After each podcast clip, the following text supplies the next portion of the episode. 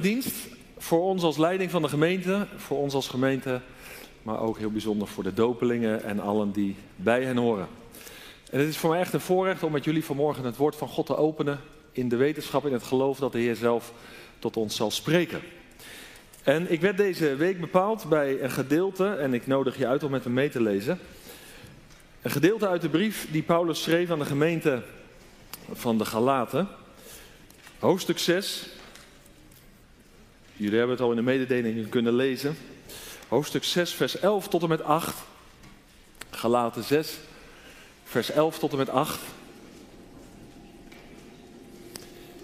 En in dat gedeelte is vooral vers 14 een kerntekst. Een tekst die ik niet alleen aan de dopelingen mee wil geven, maar die we allemaal ter harte moeten nemen. Paulus die komt daar uit bij de kern, bij het hart van het evangelie. En persoonlijk vind ik dit een heel indrukwekkend gedeelte. Galaten 6, vers 11. Daar staat het volgende. Zie met wat grote letters ik met mijn eigen hand schrijf. Allen die zich mooi willen voordoen naar het vlees, dwingen u zich te laten besnijden. Alleen om niet vanwege het kruis van Christus vervolgd te worden. Want ook zij die besneden worden, nemen zelf de wet niet in acht, maar zij willen dat u besneden wordt om zich te kunnen beroemen op uw vlees. Maar ik zal mij volstrekt niet beroemen op iets anders dan op het kruis van onze Heer Jezus Christus. Door wie de wereld voor mij gekruisigd is. En ik voor de wereld. Want in Christus Jezus heeft niet het besneden zijn enige kracht. En ook niet het onbesneden zijn, maar wel dat we een nieuwe schepping zijn. En allen die overeenkomstig deze regel wandelen, vrede en barmhartigheid zij over hen en over het Israël van God. Verder, laat niemand mij lastigvallen. Want ik draag de littekens van de Heer Jezus in mijn lichaam. De genade van onze Heer Jezus Christus, zij met uw geest, broeders. Amen. Nou, dat is het enige juiste antwoord. Het is vast en zeker de instemming op het gedeelte wat Paulus heeft onderwezen. Ik ga beloven dat ik vanmorgen kort zal zijn, korter dan normaal. Maar het is een hele indrukwekkende brief waar veel over te zeggen valt. Maar in het gedeelte waar we hebben gelezen is Paulus gekomen tot de afsluiting van deze indrukwekkende brief. De versen 11 tot en met 18 behoren eigenlijk tot het naschrift van zijn brief. Het slot. Je zou kunnen zeggen, wat wil Paulus in dat laatste stukje nog kwijt? Nou, hij wil kwijt wat de kern, wat het hart van het evangelie is. En ik vind dat hij dat op een geweldige manier beschrijft. Het is heel opvallend, in vers 11 staat, zie met wat grote letters ik u met mijn eigen hand schrijf. Er zijn sommige uitleggers die zeggen, Paulus die had slechte ogen. En daarom een uh, groot handschrift, groot lettertype. Ik weet niet of dat zo is. Ik geloof meer dat hij aan het einde van deze brief, nadat hij zoveel belangrijke principes had gedeeld, het accent wil leggen op de kern van zijn boodschap. En daarom schrijft hij met grote letters. Nou ja, Paulus die had nog geen PC of een uh, Word-achtig programma. Maar wij zouden het misschien cursief weergeven of vet gedrukt. Van, van dit moet echt binnenkomen bij je. En, en hij schreef het met grote letters. Hij wil een accent ergens opleggen. En heel bijzonder op de boodschap van het kruis. Als het hart van het evangelie. En dat wil ik vanmorgen heel duidelijk onderstrepen. Nou, vers 14 is de kern. En als je hebt meegelezen, dan vind je dat misschien best wel wat bijzonder. Dat Paulus dat zo zegt. Want wat zegt hij? Hij zegt, ik zal mij volstrekt niet beroemen op iets anders dan op het kruis van onze Heer Jezus Christus. Is, is dat niet een beetje bijzonder, Paulus, dat jij roemt in een kruis? Kom daar zo nog wel even op. Maar ja, het is de vraag, wat bedoelt hij met dat woord? Kruis. Met dat begrip het kruis van de Heer Jezus. Hij zegt, ik wil nergens anders in roemen. En, en heel veel jaren later, misschien heb je wel eens van hem gehoord, Isaac da Costa, ook een Joodse man, die dichtte het volgende. Hij zegt, in het kruis zal ik eeuwig roemen en geen wet zal mij verdoemen. Zowel Paulus was een Joodse man, Isaac da Costa was ook een Jood. En beide hebben geroemd in het kruis van de Heer Jezus Christus. Nou ja, we weten ook uit de geschiedenis, het kruis, de kruistochten. Daarmee hebben we geen punten gescoord met Joodse volk, zou je kunnen zeggen. Maar daarom moet je even weg bij dat ruwhouten kruis in de zin van dat Paulus dat hier bedoelt. Nou, we moeten twee begrippen heel helder voor ogen houden. Wat bedoelt Paulus met roemen, beroemen en wat bedoelt hij met het kruis? Nou, als Paulus schrijft over het kruis, dan heeft hij het hier niet over dat gruwelijke houten strafwerktuig van de Romeinen. Ik heb afgelopen week een verslag gelezen over wat de kruisiging inhoudt. Het is duizend jaar lang een martelwerktuig geweest. Gruwelijk. Als je nog eens een keer naar Israël gaat, ik weet niet of we er ooit nog inkomen, maar dan moet je naar Nazareth Village gaan. Dat is heel mooi. En daar waan je je in de tijd van de Heer Jezus. Er lopen ook allerlei figuranten rond. En dan krijg je een uitleg van wat de kruisiging inhoudt. En dan word je helemaal meegenomen. Ja, je bent misschien op vakantie en het is een heel onsmakelijk verhaal. Maar om even de diepte van de kruisiging helder te krijgen. Dan word je helemaal meegenomen bijna in de details van een kruisiging. Een afschuwelijke dood. En dan heb ik het nog over de kruisiging wat iets doet met je lichaam. De kruisiging van de Heer Jezus, dat zullen we zo zien, gaat nog veel verder. Maar de kruisiging alleen al, dat de nagels door je handen worden geslagen en niet in het midden van je handpalm, maar hier bij je pols. En je voeten werden op elkaar gezet en er werd ook een ijzeren pin doorheen geslagen. En dan werd het kruis opgericht. En voorafgaand aan de kruisiging werd je eerst gegeesteld. En je rug was één open bloederige massa. En dan hing je daar in de hitte. En daar waar je wat verlichting voor je handen zocht, drukte je op op je voeten. En dan verlichtte iets de pijn, maar daarna ging je je voeten pijn doen, liet je je lichaam weer zakken en hing je in je eigen handen, om het zo te zeggen. Gruwelijk. Nou, nou dat is niet waar Paulus hierin roemt. Dat is niet waar hij zich op beroemt, die afschuwelijke dood. Nee, als Paulus roemt in het kruis, dan roemt Paulus over de kruisdood en opstanding van de Heer Jezus Christus. En daar valt veel over te zeggen. Maar heel kort dit, het kruis is het samenvattende begrip voor het complete middelaarswerk van niemand minder dan Jezus Christus, de Zoon van God. En onthoud dit, Paulus roemde in dat kruis van die Joodse Messias. En Isaac da Costa als Jood roemde in het kruiswerk van een Joodse Messias. Nou, dat was al een wonder op zich. Want daarmee erkenden zij allebei als Jood dat de Heer Jezus de beloofde en de gezonde middelaar was.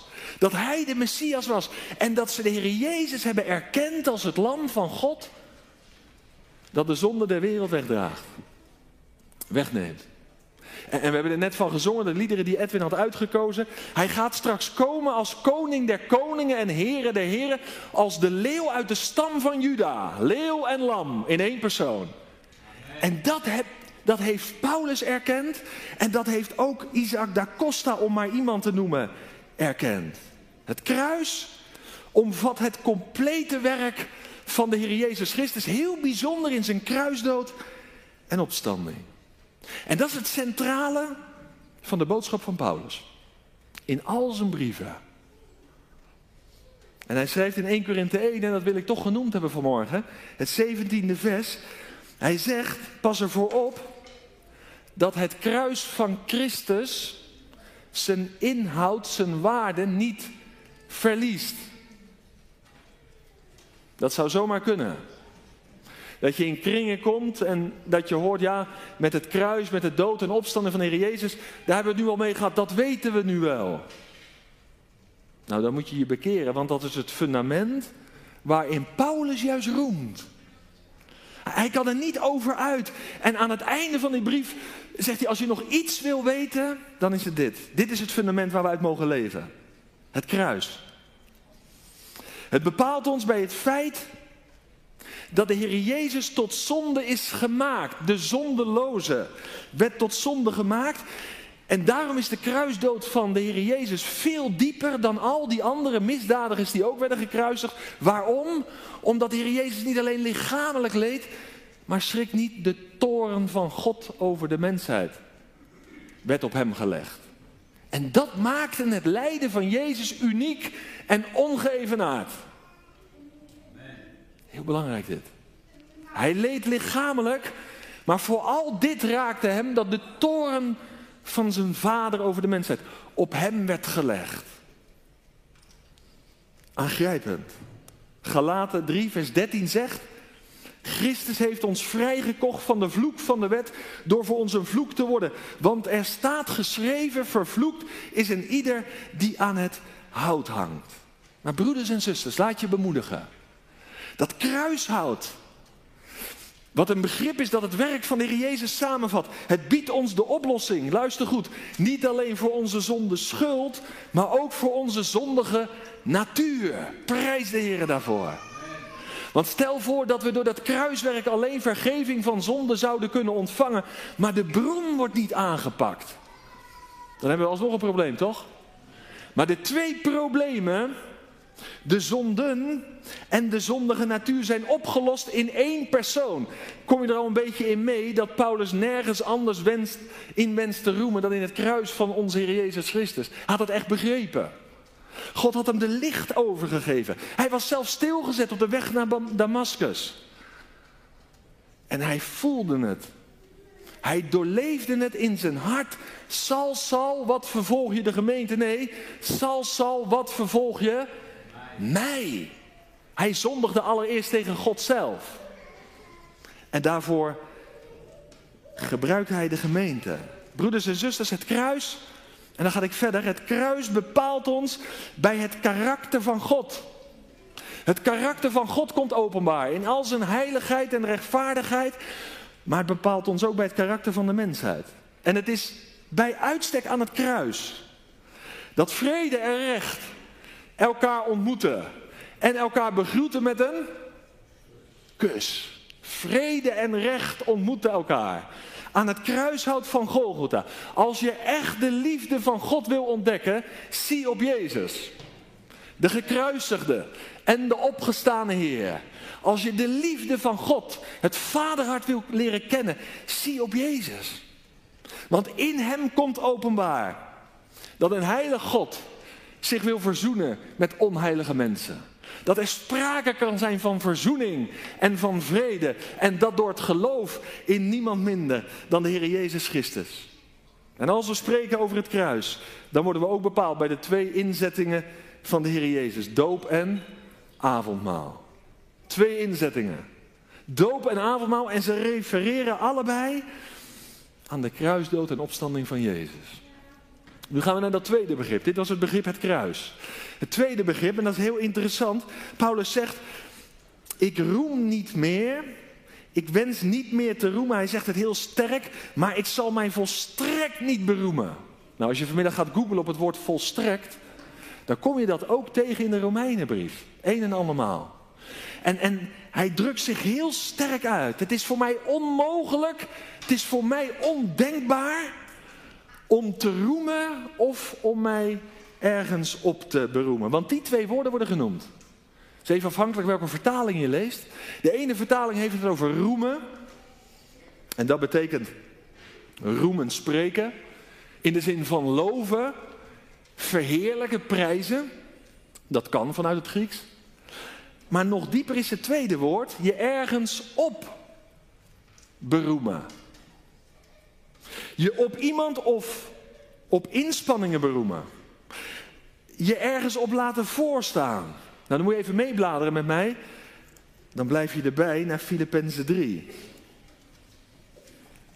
Nou, laat het heel duidelijk zijn. Als er één iemand was die zich ergens op kon beroemen, die zich ergens op kon laten voorstaan, dan was het Paulus wel, of niet? Nou, als je nog niet overtuigd bent, dan kan je het nu lezen. Filippenzen 3. Die indrukwekkende woorden. En, en ik hoop dat de verwondering zoals die bij Paulus was, ook jou en mij meer en meer zal doortrekken. Wat zegt hij? Lees maar mee. Hoewel ik reden heb, zegt hij, om ook op het vlees te vertrouwen, als iemand, als, als iemand anders denkt te kunnen vertrouwen op het vlees, ik nog meer. Ik lees het een beetje overdreven, maar het moet binnenkomen. Ik nog meer. Nou, waarom dan, Paulus? Nou, vers 5. Ik ben besneden op de achtste dag uit het geslacht van Israël, van de stam Benjamin, een Hebreeër uit de Hebreeën, wat de wet betreft een Fariseeër, wat ijver betreft een vervolger van de gemeente, wat de rechtvaardigheid betreft die in de wet is, onberispelijk. We hebben het niet over de minste hier. deze man had iets om zich op te kunnen beroemen, of niet? Hij zou erin kunnen roemen. En, en dan gaat hij verder. dat kernachtige vers, geweldig. Maar wat voor mij winst was, lees het goed hè. Wat voor mij winst was, dat heb ik om Christus wil als schade beschouwd. Ja, beslist, ik beschouw ook alles als schade vanwege, nou komt het, de voortreffelijkheid van de kennis van Christus Jezus, mijn Heere. Nou, dopelingen, als dat je getuigenis is, dat is voldoende. Het is niet alleen de Heer van een ander, maar de doop is iets heel persoonlijks. Het drukt iets van de relatie met de Heere God uit. Je laat je niet dopen omdat het een trend is, of omdat het een hype is, of dat hij het doet en of dat hij het doet, of dat je een bepaalde leeftijd hebt bereikt. Bij de doop gaat het om een persoonlijke relatie met de Heer Jezus, niet meer en niet minder. Dat is belangrijk. En Paulus getuigde hiervan. Mijn Here, om wie ik, vers 8b, alles als schade ervaren heb. Ik beschouw het als vuiligheid, opdat ik Christus mag gewinnen. En in hem gevonden wordt, niet met mijn gerechtigheid die uit de wet is, maar die door het geloof in Christus is, namelijk de rechtvaardigheid die uit God is, door middel van het geloof. Nou, daar zou ik heel veel over kunnen zeggen, ga ik niet doen.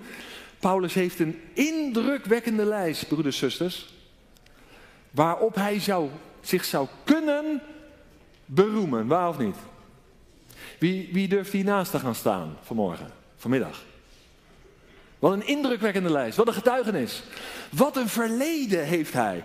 En hij gebruikt hier het woord vlees. En daarmee duidt hij op zijn lijfelijke, natuurlijke afstamming.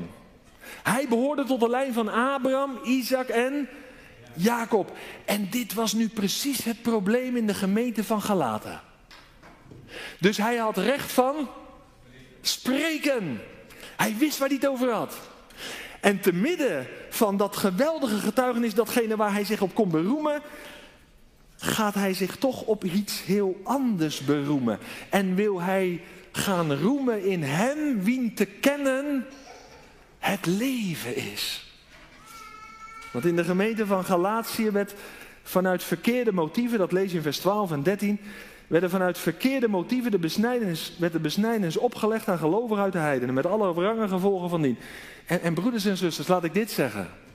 Elke dwaalleer heeft dit als kenmerk, dat er ten diepste afbreuk wordt gedaan aan het hart van het evangelie.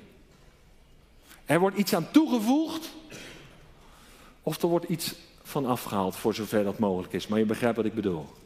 En Paulus die heeft zo de kracht van het kruis ervaren, dat hij als een leeuw is om die leer te verdedigen. Want hij weet, dat is mijn redding geworden. En daarom zegt hij het heel sterk, ik zal mij volstrekt niet beroemen op iets anders dan op het kruis. van onze Heer Jezus Christus. Ja, dan heeft dat kruis een bepaalde betekenis voor je, toch? Of niet? Als je nergens anders wil roemen. Paulus zegt vanmorgen, het gaat helemaal niet om mij. Het gaat niet om mijn achtergrond. Het gaat niet om alle voorrechten waarin ik kan delen. Het gaat niet om het lijstje wat ik op kan noemen. Ik wil slechts alle dank, alle eer, alle lof, alle aanbidding geven aan Hem. Waarvan de Bijbel zegt, wie te kennen het leven is. Amen. Dit is het.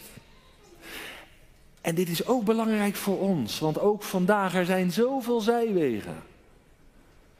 Er zijn zoveel sporen die mensen bewandelen, die hen afbrengen van het hart van het evangelie. Dat wil ik ook tegen de dopelingen zeggen. Het is zo belangrijk om bij deze kern te blijven. Want geloof me, met deze waarheid, met dit principe kan je leven. En met dit principe kan je op Gods tijd sterven. En met deze waarheid in je hart aan de binnenkant kan je Hem tegemoet gaan. Vol vreugde, vol blijdschap, vol aanbidding. En nu vraagt iemand, en dan kom ik een beetje op de helft van mijn boodschap. Maar waarom wil Paulus dan nergens in roemen? En waarom wil hij op niets anders roemen? Nou, ik heb van de week een ontdekking gedaan en daar wil ik je in laten delen. Blader even naar Galaten 2, vers 20. En nu ga je begrijpen waarom Paulus nergens anders in wil roemen. Hij heeft daar drie geweldige redenen voor. En van de week gingen mijn ogen open voor die trippel, zou je kunnen zeggen. Voor die drie punten. Want weet je, wij leren heel veel mooie dingen over Paulus. En hij heeft een geweldig indrukwekkende bediening gehad. Maar, maar, vergeet dit niet, hè? Vergeet dit niet. Paulus was een vergeven moordenaar. En Paulus kwam op een gegeven moment in de gemeente van Jeruzalem, maar daar vertrouwden ze niet. Weet je hoeveel schade deze man had aangericht? Weet je hoeveel vrouwen weduwe zijn geworden door het handelen van Paulus? Besef je dat nog wel eens? En, en nou komt het hoor. En Paulus besefte dat en die besefte ook, ja, daar lost mijn verleden niets aan op. Dat los je niet op met een goed verleden hoor, een moord. Daar kom je niet mee weg bij de Heere God. Met, met een lijstje wat je aan kan bieden, buiten het verlossingswerk van de Heer Jezus om. Ik hoop dat dit echt doordringt bij je. Er is maar één grond waar je straks voor God mee kan verschijnen. En dat is de grond van de kruisdood en opstanding van de Heer Jezus. Niets meer en niets minder. En dat besefte Paulus. Nou, jullie zijn bij Galaten 2. Je kent dat vers, hè? Het eerste wat Paulus zegt is dit. Hij zegt, ik ben met Christus gekruisigd. En om heel die tekst maar even te noemen. Ik ben met Christus gekruisigd en niet meer ik leef, maar Christus leeft in mij. En voor zover ik nu in het vlees leef, leef ik door het geloof in de Zoon van God. Het eerste wat Paulus zegt is dit. Ik ben gekruisigd. Dat is het eerste deel van zijn getuigenis. Wat een geweldige getuigenis. Paulus bleef niet hangen bij de Heer Jezus is voor mij en in mijn plaats gestorven. Hij ging verder. Hij zegt, ik ben met hem meegegaan. Toen hij aan het kruis ging, ruim 2000 jaar geleden, ben ik ook met hem gekruisigd. En luister goed, dat gaat hier niet over de persoonlijkheid van Paulus. Want je persoonlijkheid is uniek. Door God geschapen. Maar waar het hier om gaat, hij zegt, doordat ik gekruisigd ben, is mijn oude ik ontroond. Dat is wat hij zegt. En er is een nieuw ik opgestaan. Nou, daar heb je het beeld van de doop. En hiermee wil Paulus zeggen, ik ben verlost van mijn ik-gerichte leven. Kunnen we daarin mee getuigen? Vaak zoeken wij de oplossing van het probleem waar we mee kampen bij een ander. Die heeft het gedaan of die. Maar weet je waar Paulus achter is gekomen? Mijn grootste probleem is mijn eigen ik. Kijk, heel veel mensen willen vandaag wel spreken over de Heer Jezus en het feit dat Hij een voorbeeld is en dat je van Hem veel kan leren. Maar om te spreken dat je met Hem gekruisigd bent, dat gaat voor velen een stap te ver. Maar daar ligt nou net de oplossing. Daar ligt nu precies de oplossing. Ik leef niet meer, maar Christus leeft in mij. Dat is het eerste. Het tweede, daarvoor moet je naar Galaten 5, vers 24. En ik hoop dat je die drie punten onthoudt. Hij zegt dus als eerste, ik ben met Christus gestorven. En wat is het gevolg daarvan? Nou, lees maar mee. Hij zegt in vers 24: Maar wie van Christus zijn, die hebben het vlees met zijn hartstochten en begeerten gekruisigd. hey, dat is het tweede. Hij zegt: Ik ben gekruisigd. Maar met dat ik gekruisigd ben, is in de tweede plaats ook, zijn mijn hartstochten en begeerten gekruisigd. Dat is ook bijzonder, toch? Dat is het tweede wat hij wil beleiden. En dat is het gevolg van het eerste. Die negatieve emoties, die negatieve begeerten. Hij zegt daarvan, die heersen niet meer over mij. Die hebben het niet meer voor het zeggen. Nou, ik was pas bij de weekopening bij Levi op school. Een aantal weten het wel. En toen had ik twee foto's laten zien. En dat bracht nogal wat beroering teweeg. Dat was een foto van een varken en van een kat. En ik heb het in de gemeente meer genoemd. Maar ja, kinderen, die spreken altijd de waarheid en die zijn altijd heel direct. Hè? Dus ik vergeleek de gelovigen met een poes, met die kat. Die wel in de modder kan vallen, maar er niet in wil leven. Dus die maakt zichzelf weer schoon. En ik vergeleek degene die in de zonde leven met een varken. Een varken kan je schoonspuiten. Maar met dat je de slang ophangt, dan ligt hij alweer in de modder. Want dat is zijn levenselement. Vindt hij heerlijk. Dus ja, die kinderen zeiden ja. Eh, Jacques Brunt die zegt, eh, iemand die niet gelooft is een varken. En iemand die gelooft is een geloven. Ja, dat was niet helemaal wat ik duidelijk wilde maken. Maar, maar je begrijpt wat ik bedoel. De begeerte en de hartstochten gekruisigd. Paulus zegt, ik leef niet meer, mag ik het toch even gebruiken, als een varken. Het is niet meer mijn levenselement. Waar heeft dat mee te maken? Met de verbondenheid met de Heer Jezus. Ik leef als een kat. Die, die kan op een heel smal muurtje lopen. En, en je denkt, die valt nooit, maar op een onverwacht moment schrikt hij toch en valt hij toch in de modder. Dus, dus een christen kan wel zondigen. Er was ooit een broeder die werd gedoopt en die zondigde de dag daarna. Toen belde hij zijn voorganger op. Hij zei, volgens mij is er iets niet goed gegaan gisteren. Hij zei, want ik kom erachter dat ik nog zondig. Toen zei die voorganger tegen, nou dan hadden we je nog iets langer onder moeten houden. Het gaat erom dat je het begrijpt. Je kan niet zeggen, iemand die in de zonde leeft, daarvan geniet, daar zijn vreugde in vindt, die moet zich echt bekeren, want de vrucht openbaart wat er in je hart is. En dat willen we vandaag allemaal uit elkaar trekken, maar de boom wordt aan de vrucht gekend. Punt. Alleen het is wel een proces waar je mag groeien. En daarom moet je als je in zonde valt, niet vertwijfelen aan de genade van God, maar teruggaan. En dat wil ik heel bijzonder tegen Timo en Levi zeggen. Jullie zijn jong. En dat kan best wel eens op je afkomen. Nou laat ik me dopen, nou geef ik mijn getuigenis. En nou staan alle schijnwerpers op ons. Nou, nou, en zeker in een gezin, hè? Er gebeurt wel eens wat. Dan kan je het soms best moeilijk vinden. En dan zeg je, ja, die druk kan ik niet aan. Maar het is een leerproces. Drie stappen vooruit, twee stappen achteruit per saldo één winst. De Heer trekt met je op. Je krijgt vanmorgen geen diploma. Het is niet dat je het nu gedaan hebt en afrondt. Nee, je begint pas. Het is begin van discipelschap. Maar wel vanuit die verbondenheid met hem, met hem gekruisigd en ook mijn begeerte en hartstochten gekruisigd. Paulus zegt in Romeinen 6, vers 12: Laat de zonde niet in uw sterfelijk lichaam regeren, om aan de begeerte daarvan te gehoorzamen. Maar stel jezelf ter beschikking aan God. Als mensen die uit de doden levend zijn geworden. En nou het laatste. Galaten 6, vers 14. En ik vind het zo'n mooi drie luik van Paulus. Hij zegt, ik ben gestorven, gekruisigd. Mijn begeerten en hartstochten zijn gekruisigd. Dat is de tweede stap. En weet je waar hij mee afrondt? Nou, is de tekst van vanmorgen. Galaten 6, vers 14. Hij zegt,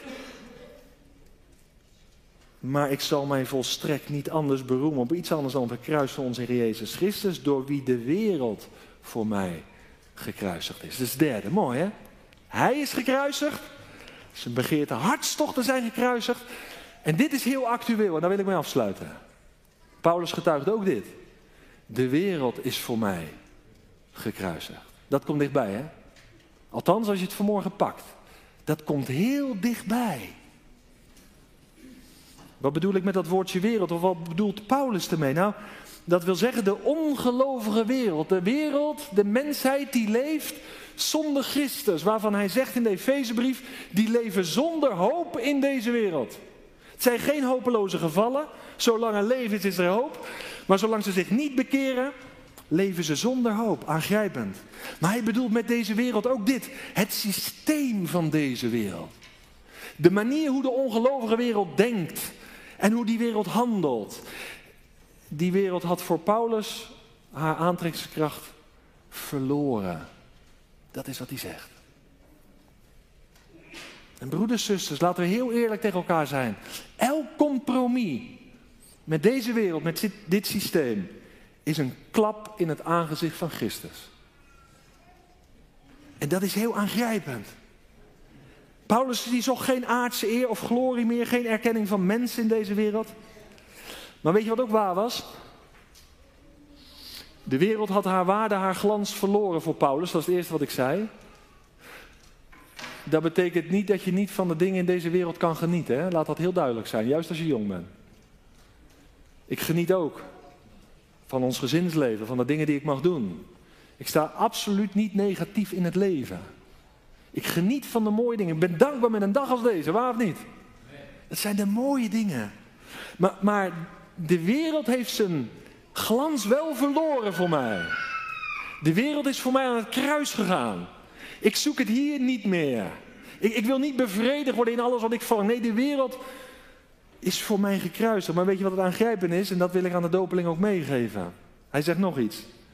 Hij zegt, en ik ben voor de wereld gekruisigd. En dat sloeg van de week wel heel diep in. En dit is wat de doop betekent. Luister goed. Wij worden door geloof gerechtvaardigd. Wij krijgen door geloof vrede met God. Wij hebben vrede met God. Dus dat zegt iets over die verticale lijn. Maar broeders en zusters, de doop zegt iets over die horizontale lijn. Tussen mij, Paul en Sabine gaan het zo zingen, en deze wereld staat het kruis van Golgotha. Er is echt iets veranderd. Er is echt iets veranderd. Oh, de wereld heeft voor mij en voor de Heer Jezus maar één plek. Dat is het kruis. Dat betekent, en dat wil ik juist tegen de jongeren zeggen, dat als je de Heer Jezus trouw wil volgen, verwacht dan niet altijd de instemming van deze wereld, van de mensen om je heen. Het maakt je niet populair. Maar dat is nou juist wat de doop laat zien. Je kiest ervoor om één te worden met een verworpen Jezus. En daarin ligt je vreugde. En daarin ligt je blijdschap. En daarin ligt je hoop verankerd. Verwacht het niet meer van jezelf. Je verwacht het niet meer van de wereld, want je bent er diep van overtuigd met de woorden uit 1 Johannes 2, vers 17. De wereld gaat voorbij. Met al haar begeerlijkheid. Maar broeders en zusters, wie de wil van God doet, die blijft tot in het eeuwige leven. Mijn vraag is, waar leef je voor? Waar leef je voor? Daar komt het op aan, daar scharniert het op. Leef je voor de Heer Jezus? Jezus leven van mijn leven. Jezus dood van mijn dood. Ik ben met hem meegegaan. Ik ben gekruisigd. Mijn hartstochten en begeerten zijn gekruisigd, maar er is ook een scheiding gekomen tussen de wereld en mij. Daar staat dat kruis van Golgotha. Waar het oordeel van God zichtbaar werd. En waar ik de vrijheid kreeg. Hij de vloek, ik de zegen. Hij de pijn, ik de zalf. En dat is waaruit ik leef. Dat begint niet alleen mijn geloofsleven bij, maar daar leef ik door. Door die genade, amazing grace. En Paulus zegt, ik spreek niet vanuit een boekenkasttheologie, want in vers 17 zegt hij: Ik draag de littekenen van de Heer Jezus in mijn lichaam. Het is geen uit het hoofd geleerd lesje. Je had de rug van deze godsman moeten zien. Lees vanmiddag 2 Korinthe 4, 2 Korinthe 11 na. Wat hij geleden heeft als navolging van Christus. En toch, en toch, en toch. Ik hoop echt dat het landt. Hij zegt, ik wil mij volstrekt niet beroemen in iets anders dan in het kruis van onze Heer Jezus Christus. Door wie de wereld voor mij gekruisigd is. En ik voor de wereld. Ik ben een vreemdeling. Ik ben een pelgrim. Ik ben onderweg. Ik ben hier niet thuis en ik ga het hoe langer hoe meer aan de lijve ondervinden. Broeders, zusters, we leven in de tijd van kleur bekennen. Van keuzes maken. En die keuzes gaan gevolgen hebben. En ik ben geen profeet, maar ik ben het met Edwin eens. De tijd gaat er niet makkelijker op worden. Geloof me. Ook niet in Amsterdam. Want als je echt keuzes gaat maken, dan vinden mensen daar ook wat van. Maar wees bemoedigd vanmorgen. De Heer Jezus zegt het. Ik heb de wereld overwonnen. En hij bemoedigt jou en mij. Ik ben met jullie. En hij zegt het heel bijzonder tegen jullie dopelingen. Ik ben met jullie al de dagen. Tot aan de voleinding van de wereld. Zodat je na vandaag enkel alleen zal roemen. In het kruis van onze Heere Jezus Christus. Geprezen zij de Vader, de Zoon en de Heilige Geest. Amen.